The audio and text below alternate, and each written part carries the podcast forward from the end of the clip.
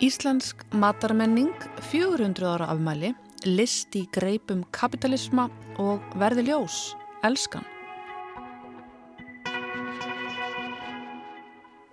Franska leikskáldið Molière ávist afmæli nú um helgina. 400 ár frá því að þessi mikli leikúsmaður kom í heiminn í París þar sem hann átti síðar eftir að gera gardin frægan og sitja í ljóma Lóðvíks konungs 14. Við rifjum kallin upp í tilefni þessa í þætti dagsins. Til Nýfs og skeiðar er ný bók um íslenska matarmenningu sem háskólaútgafan gaf út á liðinu ári. Í bókin er að finna fjölbreyttar greinar um allt frá kortbyltingunni sem að allir strömmkvörfum í mataræði landsmanna, aðra um áhrif heimstyrjaldana tveggja á mataræði og erlend áhrif á íslenska matarmenningu og ennaðra um skýramisú og brott brúlei, svo eitthvað sem nefnt. Örn Daniel Jónsson og Brynhildur Ingvarstóttir eru rittstjórar bókarinnar og Örn verður gestur okkar hér á eftir. Skýra með svo og brott brúleið, maður fær bara vatn í munnin. Heldur beður. En þráttur að hátíðunar séu yfirstaðnar þá berast okkur en bókadómar. Greta Sýriður Einarstóttir var ljúkaði lestur á skaldverki, Sofíu Bjarnadóttur verði ljós elskan. Heyrum hennar skoðun hér um miðbygg þáttar. En þáttin í dag byrjum við á komandi ári ofur afli kapitalismans yfir listunum og varnar orðum listamanns í þeim efnum.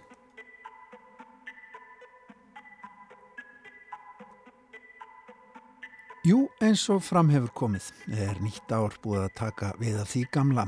Ekkert við því að gera svo sem allt fram streymir og allt það. Tilhjóksunin rétt að venjast svona þegar líðatekur á mánuðin margir velta fyrir sér framhaldinu hvernig þetta ár verði 2022 hver verði trendin, hverjir verði ofan á og þá hverjir undir og við hverju megi búast svona almennt á þessu almannags ári.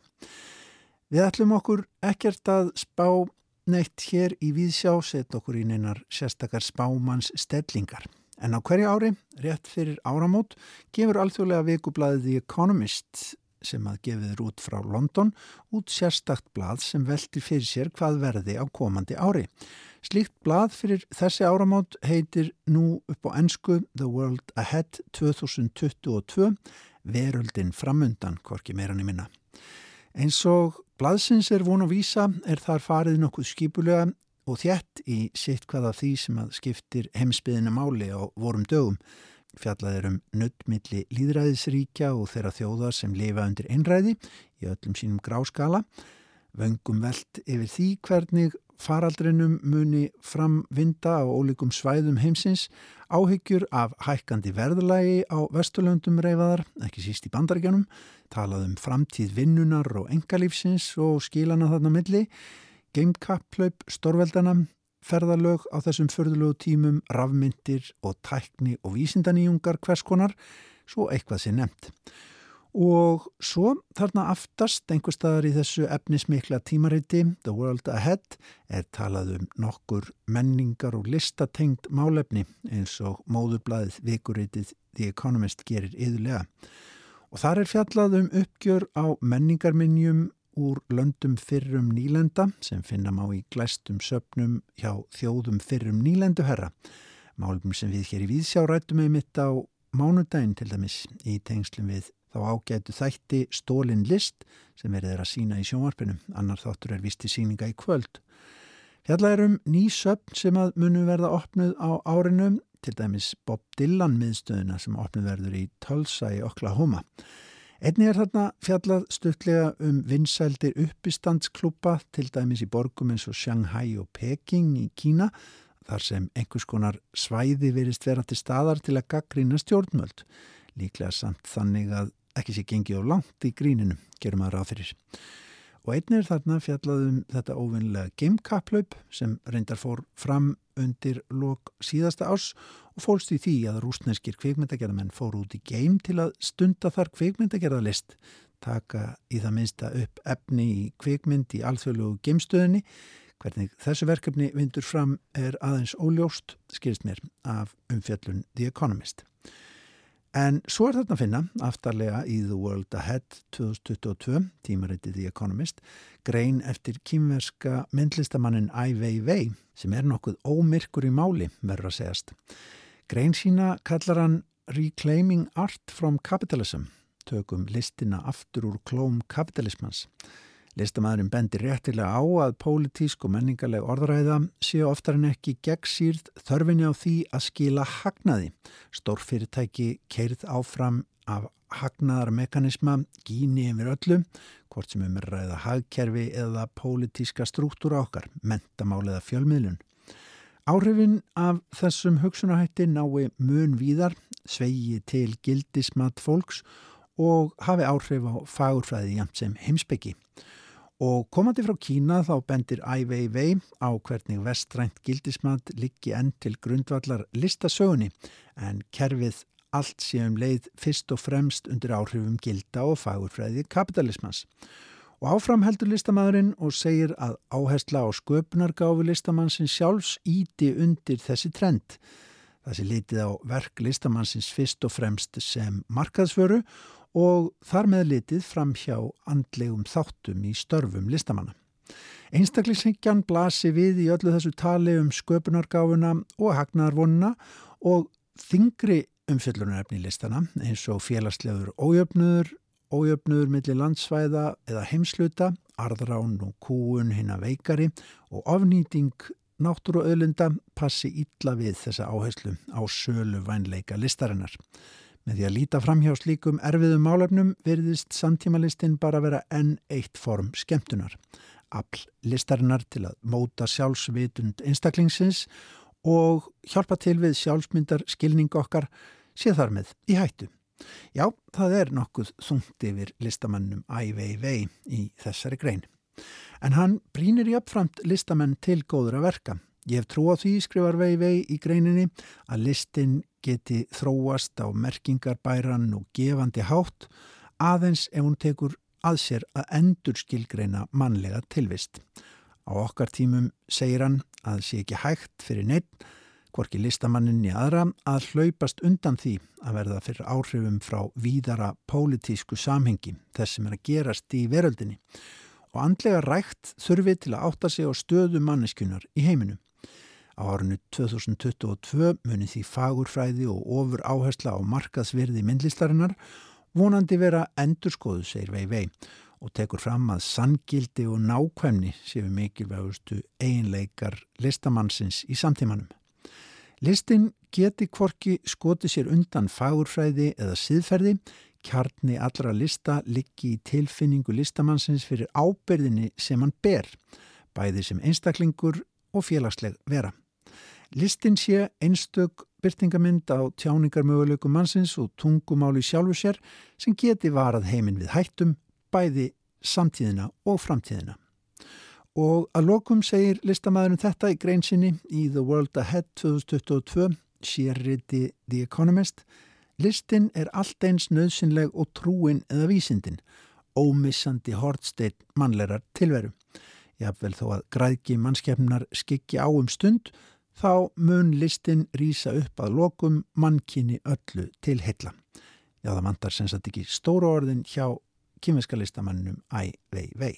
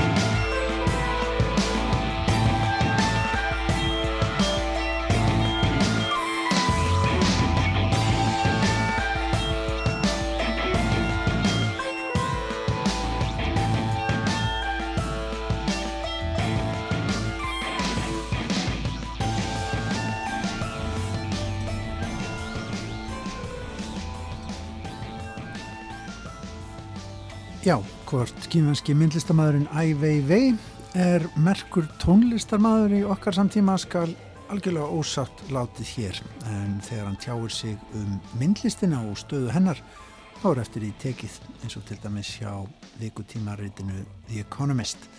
Þannig heyrðum við lægið Dumb Ass sem að Ai Weiwei sendi frá sér árið 2013 ásamt myndbandi þar sem hann miðlaði upplifun sinni af því að sitja í fangelsi í heimalandi sínu Kína í 81 dags einangrun. Já, en þá ætlum við að færa okkur yfir í bókmyndarinni hér í Vísjá. Greta Sigriður Einarstóttir, hún er hann að lesa og segir okkur nú skoðun sína á einnina fjölmörgu ljóðabóka sem kom út á síðast ári. Verði ljós elskan eftir Sofíu Bjarnadóttur. Einn af margnótuðum orðaleppum gaggrínenda er þegar talað er um að bækur séu krefjandi jafnvel að þar krefjast mikils af lesenda sínum. Augrandi teksti sem vekur mann til umhugsunar eða veitir manni nýja sín getur verið áhrifamikill lestur, en ég fæ stundum á tilfinninguna að þetta sé einni notað þegar maður veit ekki alveg hvað er í gangi en grunar að það sé eitthvað mjög gáfulegt. Hvenar er teksti krefjandi og hvenar er hann óskiljanlegur? Og hvernig kröfur getur lesandi gert á móti? Sofía Bjarnadóttir hefur áður gefið út skáldsögur, ljóðabækur og leikrit en nýjasta ljóðabók hennar ber titilinn Verði ljóselskan. Ljóðin í Verði ljóselskan eru fjölbreytt. Sum eru prósaljóð, mörg eru í tveggja eða þryggja línu órýmuðum erindum og enn önnur eru í samtalsformi, líkt á handrita leikriti. Flest ljóðana eru sögði fyrstu personu og innihalda ólgandi tilfinningar. Þau standa ein og sér, en uppröðun þeirra gefur þó til kynna ákveðina frásagnarlega framvindu. Sögu af ást, slitum, innri óráa og loks einhvers konar sátt. Nokkur ljóðana hefjast á eða innihalda tilvitnanir í önnur skald og skalin er fjölbreyttur, allt frá Artur Rambó til Kristínar Ómastóttur og Lönu Del Rey. Í ljóðanum tekst Sofía á við viðfangsefni á borð við ástina, sorgina, skaldskapin og guð. Bókin hefst á tilvittnun í Lönudel Rey, tónlistarkonuna sem kyrfilega hefur skrifað sig inn í hlutverk konunar sem þjáist en alltaf á ós og romantískan hátt. Uppháslínutnar vísa í vonina. Sum ljóðana eru leikir að orðum og allt út í konkrétljóð meðan önnur daðra við surrealisman. Gegnum alla bókina má finna fyrir olgandi tilfinningum, allt frá heitustu ást til dýpstu örvendingar. Í ljóðinu Disorder of Self-Love finnur ljóðmælandi fyrir óveðri í sér, jafnvel í logni, og í leindarmálum ástarinnar nr. 6 nær Sofía að koma fyrir í átta ljóðlínum frásögnum ástasorg í þremur þáttum. Í ljóðinu Áður fyrr ef ég mann rétt segir ljóðmælandi hjartnæma sögu af lífi hjóna, afa og ömmu. Eitt sérstaklega áhrifamikið ljóð er opnaðu munnin, lokaðu munninum. Það er um skömmina, líkamlegar og andlegar þjáningar þess sem skammast sín og frelsið og helsið sem fólkið er í því að segja eða segja ekki frá. Nokkur ljóðana vísa innbyrðis hvort í annað. Sum bera bókstaflega sama títilinn, Summertime eða Lindamál ástarinnar með tilherrandi númera röð. Önnur endur óma svipuð eða sömu stef, eins og tíkristýrin sem endur spekla mannsins innra dýr. Svo er það ljósið. Það byrtist fyrrt í titli bókarinnar og svo aftur og aftur í formi kertaljósa, varðelds, sviðsljósa, vonarinnar í myrkrinu og ljósins í mannsálinni. Þegar maður finnur stert fyrir myrkrinu þá gæti það verið ljósið að minna á tilveru sína. Svona hefst ljóðið áminning sem segir okkur að þrátt fyrir öll átökin sé alltaf vonarglæta í myrkrinu. Það er meira að segja von í ljóði sem fjallar um mismunandi leiðir sem þekktir einstaklingar hafa farið til að fyrirfara sér og hlutina sem þeir notuðu til að gera það. Annað sem skýtur reglulega upp kottinum er Guð og trúin. Hann eða hún er með viskirött og býður upp á vín en á öðrum stað er Guð ólétt kona í bláum kjól og ávarpar ljóðmælanda elskulega. Í ljóðinu verði ljós nr. 2 ávarpar ljóðmælandi einhvert sér nákominn sem er á niðurleið. Þá er það Guð sem tekur í nakkatrampið á þeim sem talar og minnir á nöðsinn þess að setja sér mörg. Í leindarmál ástarinnar nr. 3 tengir ljóðmælandi saman Guð og ástina, hvort sem er til Guðlegra eða mannlegra vera. Til að trúa þarf að elska, til að elska þarf að trúa. Tekstin er á köplum brotakendur og marglaga. Stundum kveikir svona teksti ótal hugsanir og virkar eins og óreiðu kent kveiksjá fyrir heilan. Stundum kveiknar ekkert vegna þess að ég næ ekki nefni hjartengingu. Ég skil ekki eða finn ekkert samhengi og brotin mynd aldrei hildstæða mynd. Brást ég þá sem lesandi kröfum tekstans? Var ég vegin og metin og léttvæg fundin? Ég las bókina frá upphafi til enda og svo las ég hana aftur.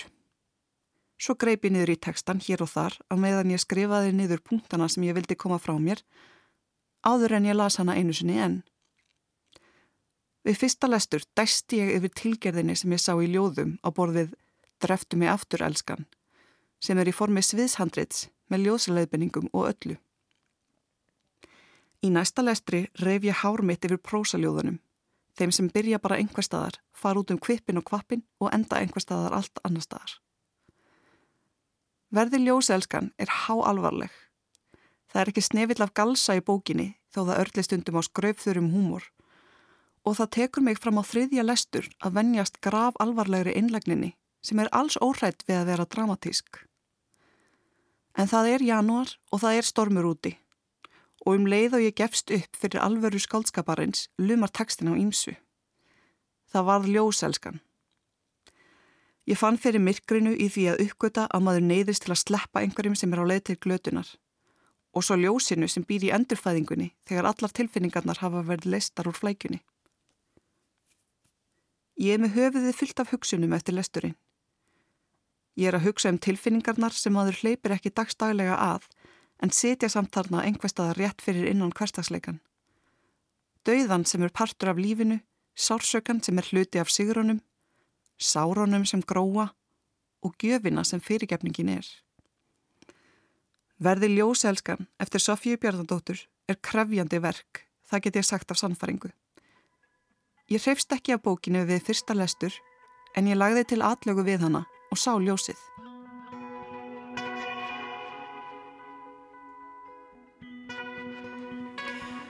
Sagði Greta Sigriður Einarstóttir um ljóðabókina Verði ljós, Elskan eftir Sofíu Bjarnadóttur.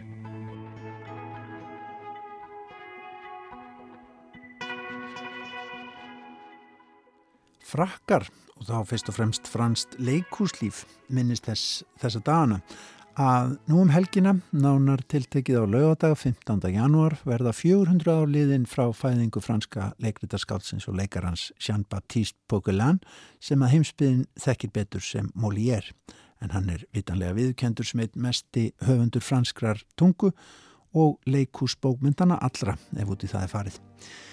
Lífslaup Molières var vitanlega með vissum ævintýra blæ. Hann fættist í höfuborgin í París, var svonur bólstrara en mentaður í fyrstu af Jésúidaprestum.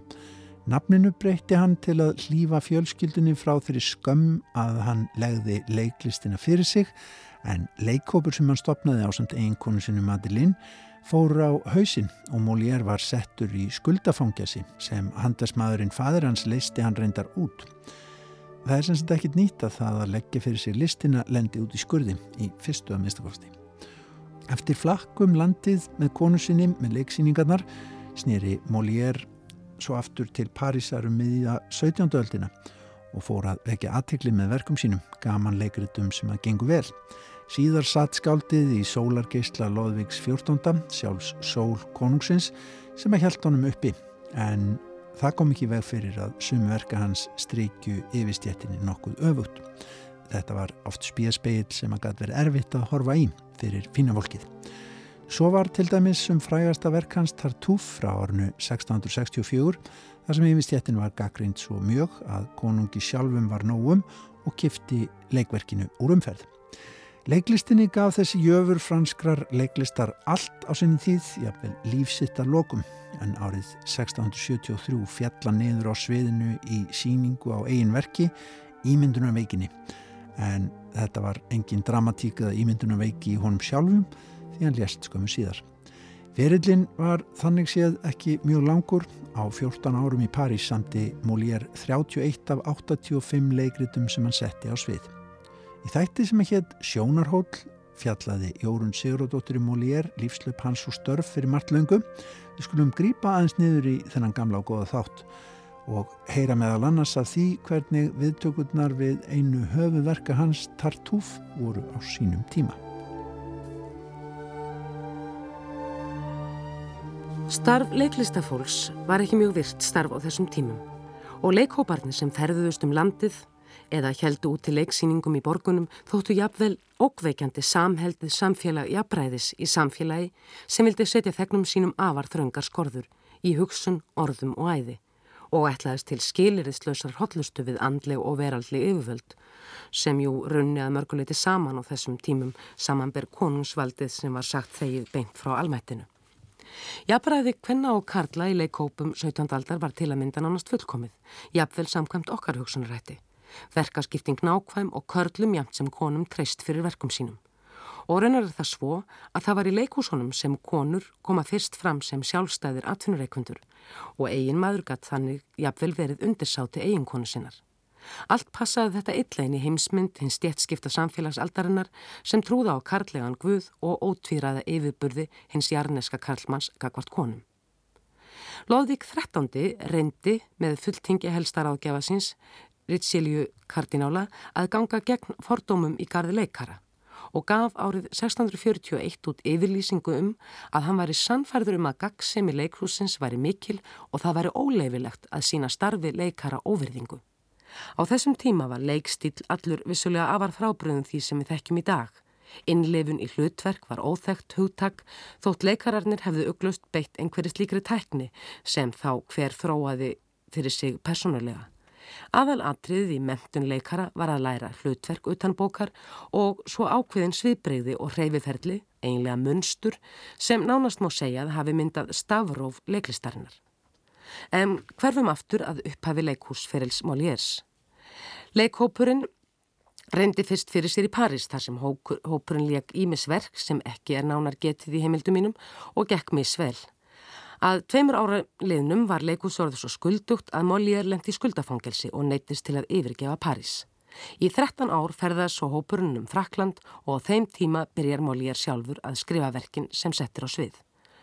Það er ekki fyrir en árið 1658 að Molière kemur aftur til Parísar, þá sem forréttinda leikhópur herrtóðans á Orleans. Í París er Molière og leikhópur hans kynntur fyrir konunginum Lóðviki 14. og síðar það sama ár fær Molière tækifæri til að leikstýra verkinu Nikomedes eftir Corneille.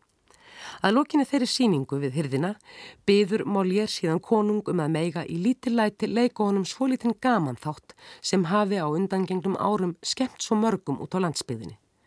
Þetta var læknirinn ástfangni, líklega eitt af fyrstu verkum Molières. Konungur og áhörvendur skemmtu sér afar vel við síninguna sem varð upphafið að fræðarferðli Molières og leikhóps hans í París og í rauninu um allan hinn vestrana menningarheim fram á þennan dag. Eins og framkom hér áðan ríktu á 17. öldinni afar strángar reglur um form og innihald leikrita og er ekki að sjá að Jean-Baptiste Molière hafi sagt þessari hefð ofinbært stríð á hendur. Hann hjælt sér til að mynda við því rýmaða form en braud flestar aðra reglur ef þær henduð ekki því sem hann vildi segja í verkum sínum. Segja má að hverskins hræstni og síndarmennska samtímamanna hans hafi orðan honum kveikja að leikriti.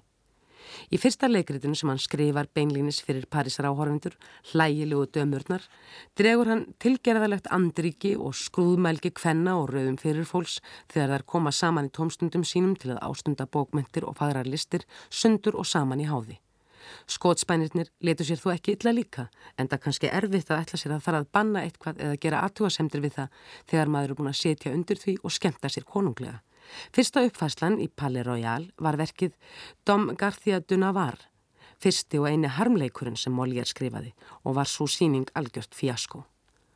Næstu verk hans, kennslukomedíurnar, Karlaskólin og Kvennaskólin, sem segja frá körlunum sem alltaf þykjast vita betur, en hvenn fólkið og verða svo að lokum að viður kenna hitt gagstæða að það eru þeir sem læra að veka kyninu, gengu ágætlega. En um sama leiti og þessi verk voru sínt giftist Molière Armöndu. Hún var um það byrj 25 árum yngri en hann sjálfur og dóttir eða sýstir elskinu hans til skams tíma.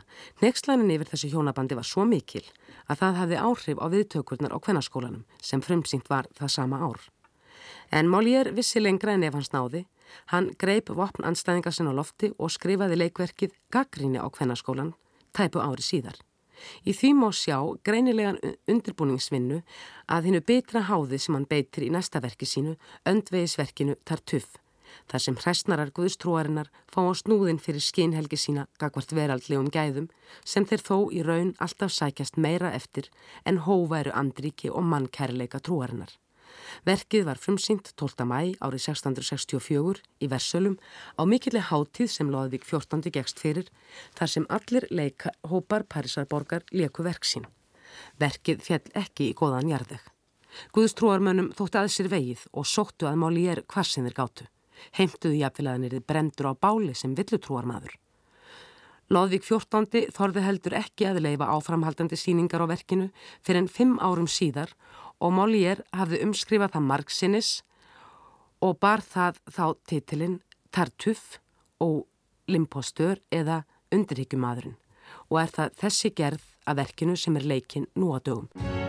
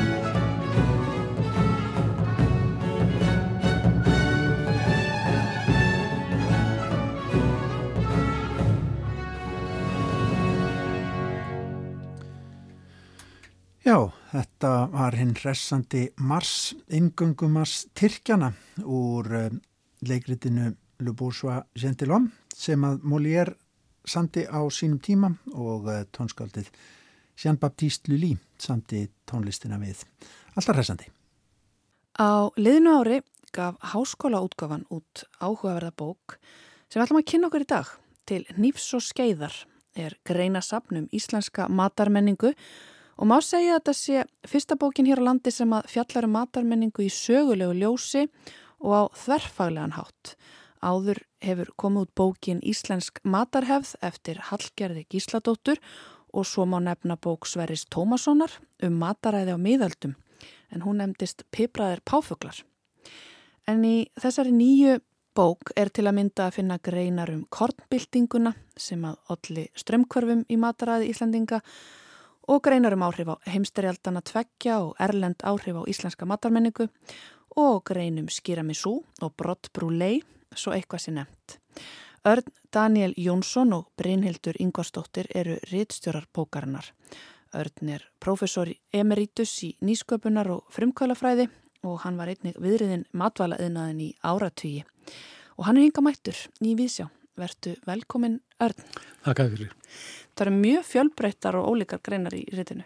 Já, það er eiginlega grunn hugmyndin. Þetta er fólk sem hefur sko, sérþekking og mismundu sviðum og hefur unnið að ég sem geira lengi mm -hmm. og þarna og hugmyndin er að, að skoða í rauninu sömu söguna hvað maður sé aftur og aftur en út frá mismunandi sjónaróta. Mm -hmm. Þú reytar yngang á samt Brynhildi og það er svona stiklað á stóru og meðal þess sem kemur fram að því að ég vildi nú bara nefna það því að við erum svo mikið að reyða hótelsögu þetta misserið að uh, sko í inngangskabla nefnuru hvernig sko bændahöllin og þetta vissi ekki var í raun vendipunktur í íslenskri matagerð. Já, þetta er á vissan hátt svona ákveðin kald þannig sko bændur ætla að byggja svona skúr til að vera í, eða að hafa þeirri kemur með svona árfund hinga svo stækkaði þetta og stækkaði þanga til að Þorvaldur í síld og fisk var fenginn til að búa til svona alvöru veitingastað og þetta var bæði, var bætt við sagt, efstu hæð og það er svunnasalur og mér finnst eiginlega flottast Astral Bar 1962 og líka sko hann er með kynveskan mat og ítalskan mat 1962 sem að náttúrulega var eitthvað sem að það var alveg ótrúlegt. Hann hefur verið algjör frumkvöld á sínu sviði. Og magnað á mörgum sviðum. Já. Það er mitt hérna einu auglýsing í bókinni, ég ætla nú bara að lesa þetta. Já. Fjölbreytasti matseðilinn er fyrirsögnin. Íslenskir, franskir og kynverskir réttir. Borðið og njótið útsýnis frá sögu. Því sá sem ekki hefur komið í grillið eða á Astrabar hefur ekki séð Reykjavík. Það var settur sérstakur skattur á, á bændur til að byggja sögum. Einmitt, einmitt. Uh, já, bænda halla gjald. Það varð allt svo dýrt af því að byggingi var svo dýr. Já. Já. Hérna það eru auðvitað fjöldi áhugaverð að greina í bókinni. Þú ert sjálfur höfundur tveggja. Önnur þeirra fjallar um... Með Guðmyndi Jónssoni. Já, einmitt. Uh, önnur þeirra fjallar um fiskistöytin skindiréttin sem að laði grundveld að frósinni fiski matagerð og hinn sem er langar að taka hans fyrir hér, hún fjallar um nútímavæðingu mataræðis og áhrif heimstrialdana tveggja á mataræði okkar og bara lífshætti. Þú skoðar hvernig gamli íslenski maturinn tók svona að hopa fyrir nútímalæra fæði. Já, sko, einn grunn hugmyndin í bókin er að skoða þessu sömu sögu út frá, sem sagt, svona mismöndir sjónarhóðnum og til dæmis Lauvi Stengrimsdóttir fjallar um áhrif og hvernig hvar, kornið kvarf og kom svo aftur og þá sem rúur og það sem er þúpnapatriotismin að þjóðurnisíkjana við erum alltaf þetta merkilegasta fólki heimi. En það er sko í alvörinni ákveðan sérstæði að, að á, mat, á Íslandi þá var kolvetnið ekki með í myndinni. Neistland byggist á próten og fytu og þá myndast svona ákveðin matar menning í kringum það og þaðan höfum við skýrið harðfiskin og að vissu leiti svona lambakjötið sem er einföldun á hvernig matar, hvað sé að neistlan var mismunandi frá því við komum mm -hmm. þannig að okkar matargerð eða hugmyndir um íslenska matargerð er doldið um, mýðuð við eða tvö andrið annars vegar þorrablótið og hins vegar nallþorrnar eða Já. svona kolvetnisvæðinguna. Sigur átið, við fórum á svona sigur rús Áður við koma sigur átinu og tertuöldinu eins og þú kallar hana í bókinu, ég vil langar að koma eins betur en það eftir, þá þessi þróun sem þú nefnir er svo áhugaverð, hvernig við um, einmitt lifi mest á fyttu og prótinni dýraafurðum. Og svo þegar við verðum að meira svona nútímavættu velmögunar þjóðfélagi þá fyrir að neyta meira kolvetnis. En þetta er öfuð þróun við það sem að gerist í nákvæmlandunum eins og kemur fram í greininni þar sem að með aukinni velmögun þá komi inn fleiri dýraafurðir. Já, Guðmundur Jónsson sem að skrifa greinanda með mér, hann hefur fjallað ítala um þessa umbyltingu sem sagt um, kolvetnisbyltinguna. Mm -hmm. og af, af vissuleiti er þetta sko hluti af fátækt vegna þess að, að það var mjög svona stór þáttur í svona þjóðlegri afstöðu að ofátækt að, að flytja ekki inn sagt, uh, segja, tilbúnar og dýrar afurði til dæmis áherslu og grænveti. Þannig að sigur og kveiti voru eiginlega út, ódýrustu um, svona ráöfni til að flytja inn þannig að, mm -hmm. að við erum svona nammi þjóð og svo sé að tekið dæmi úr bókinni þá var hérna búið til hérna sigurvatn með kjörnum sem sagt, sem sagt gós sem var hann í rauninni litað sigurvatn kjarnar eru náttúrulega ekta gerfi og saman með allar nam, eða sko nammi sjöpillar mm -hmm, mm -hmm það er kannski í kjölfarsar vendastefnu, það kannski tengis líka pólitíkinni, hvernig við verðum sigur þjóð ekki satt. Þetta er svona Jú. í rauninni má segja að þú lýsir því hvernig það myndast svona, já, hvernig matval í raun myndast spennu og hagsmun áreistra og þú bara svona í rauninni lýsir sko sögu þróun pólitíkur á 2000-öld í gegnum mat sem er mjög skemmtilegt, hvernig sko maturinn í rauninni mótaði pólitíkina og svo aftur hvernig pólitíkinu þetta mótar matvalistefnu. Já, mikilvægt að taka það fram að, að það eru um við. Já, þið höfundanir. Það eru, sko, það er allir sem eru á baku skrifa bókina eða skrifa bókina eru sérfræðingar á og hafa verið tengdir þessu í áratöfum saman. En í þessari grein sem að fjallar um heimstyrildina tvær sem að þú og Guðmundur Jónsson er mitt skrifið, það er svona rekið þessa sögu sem er Já. mjög áhugaverð.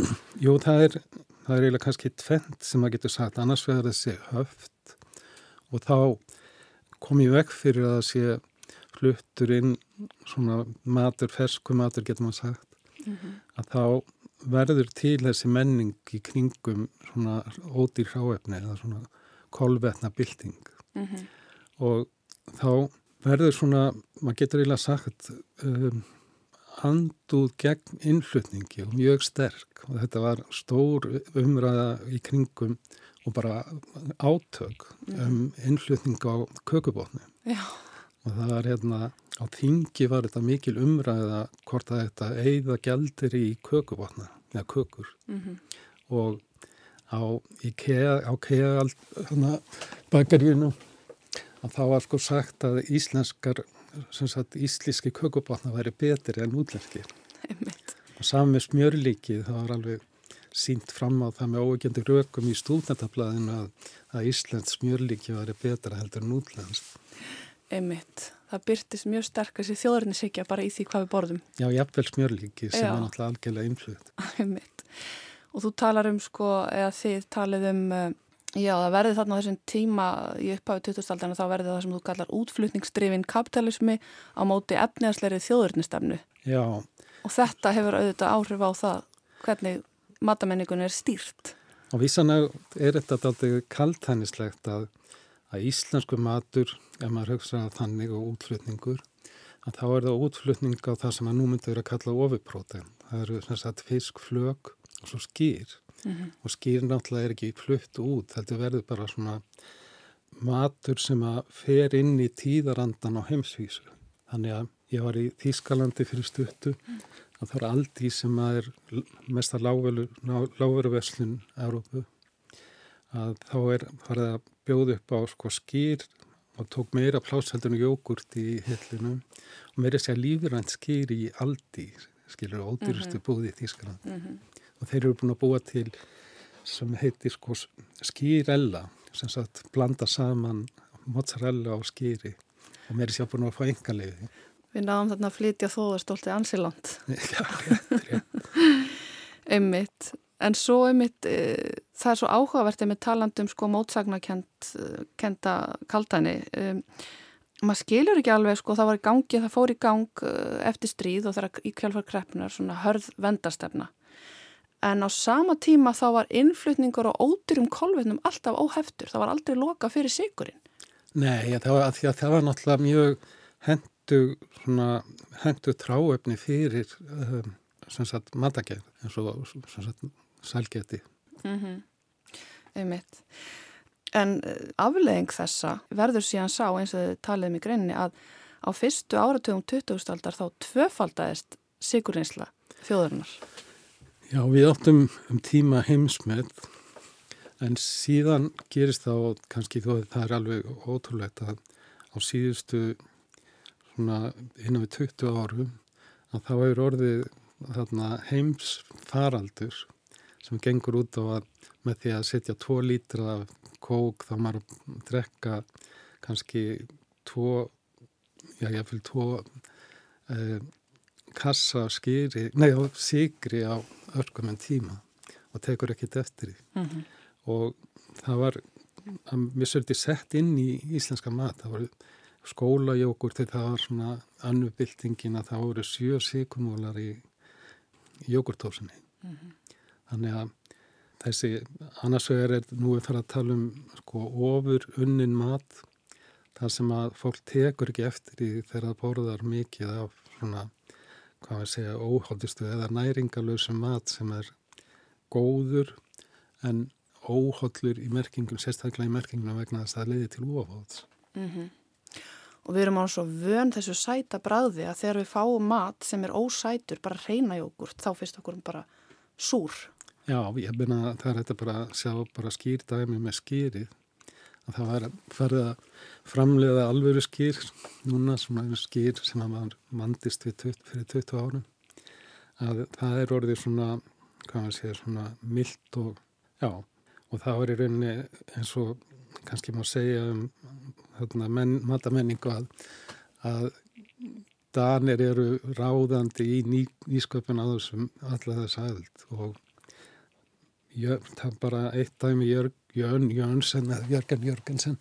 Að hann var fenginn til þess að, að koma mjölkupúi flóamanna á, á í gang.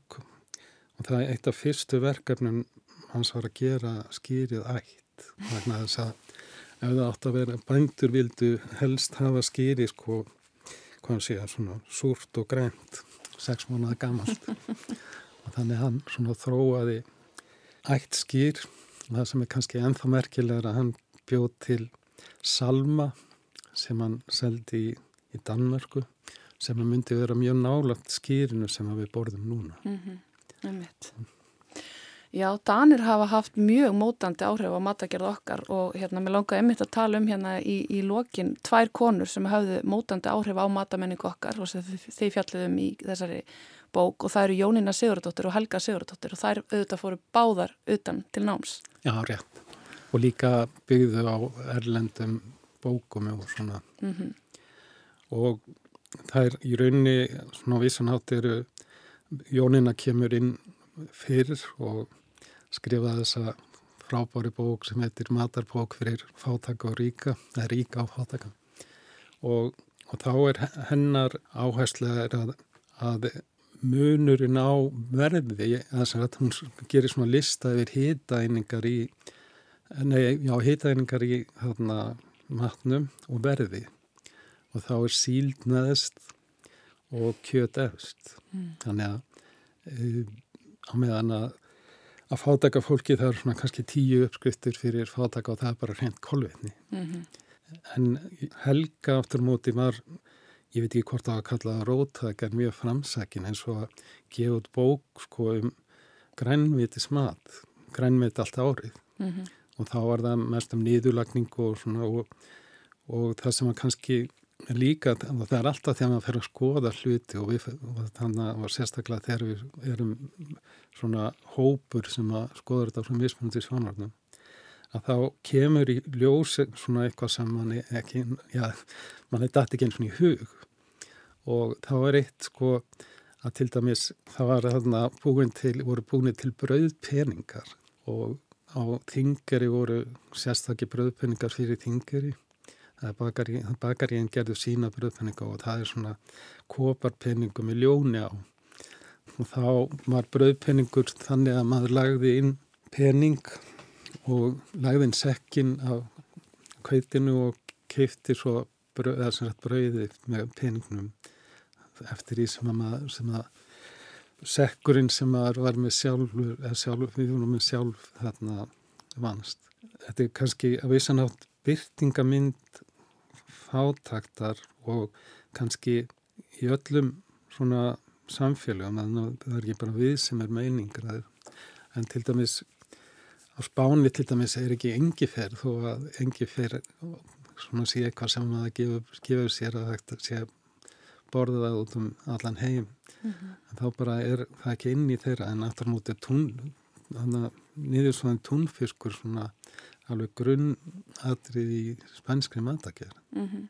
og hérna eru kökurnar Já, og hér er það kökurnar ég ætla að mynda að segja að það er þið takið ekki fyrir neinar uppskriftir í þessari bók en, eh, en eins og þau bendið á í einni greininni þá er áhugavert að fletta í gegnum uppskriftabækur eins og þessar að tvekja hvenna til að sjá hvernig matagerinn hefur þróast og áhugavert að heyra hvernig fókusin var á það upphafi að ná sem flestum kaloríum með í matnum á meðan núna erum við kannski flesta glíma við það að við erum alltaf marga kaloríur. Já, rétt.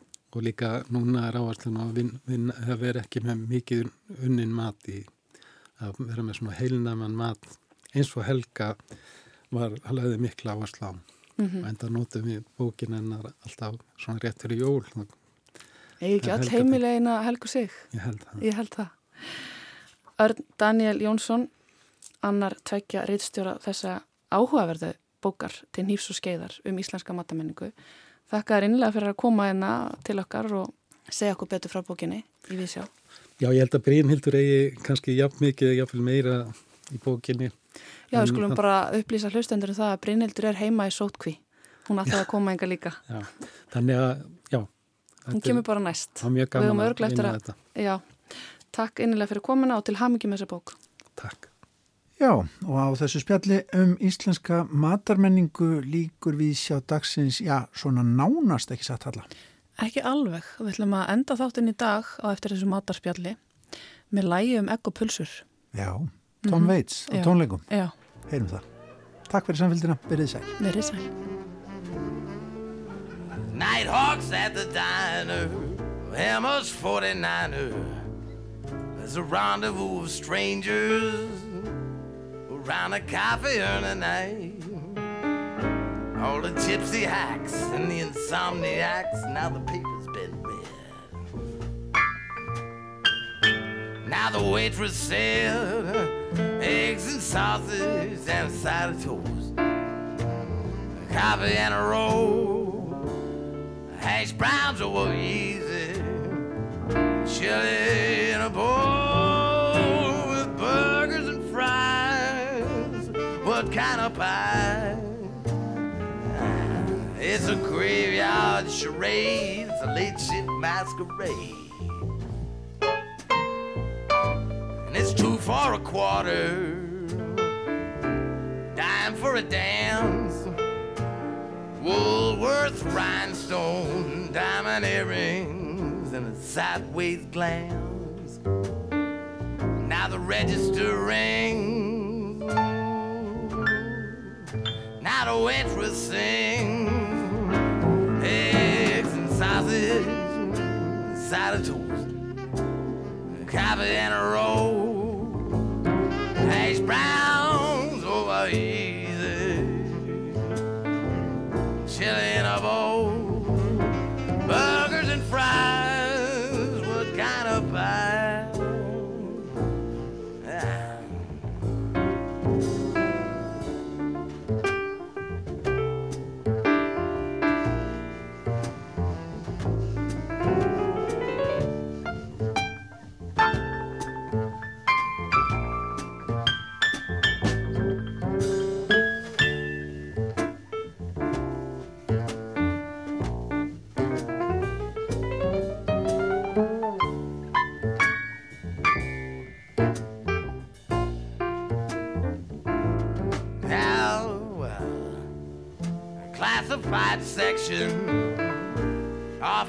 direction.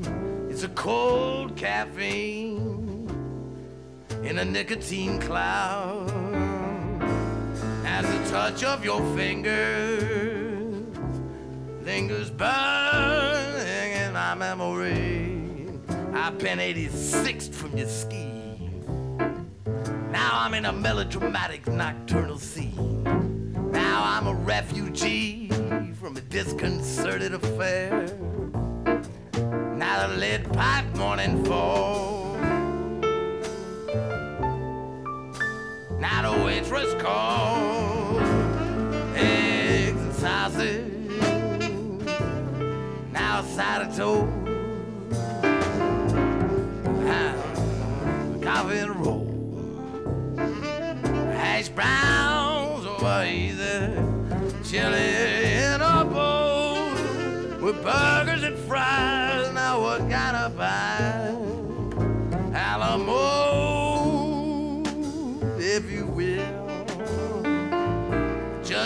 I join a crowd.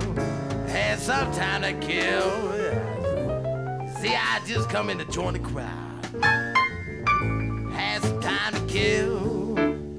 Just come in to join the crowd. Cause I had some time to kill.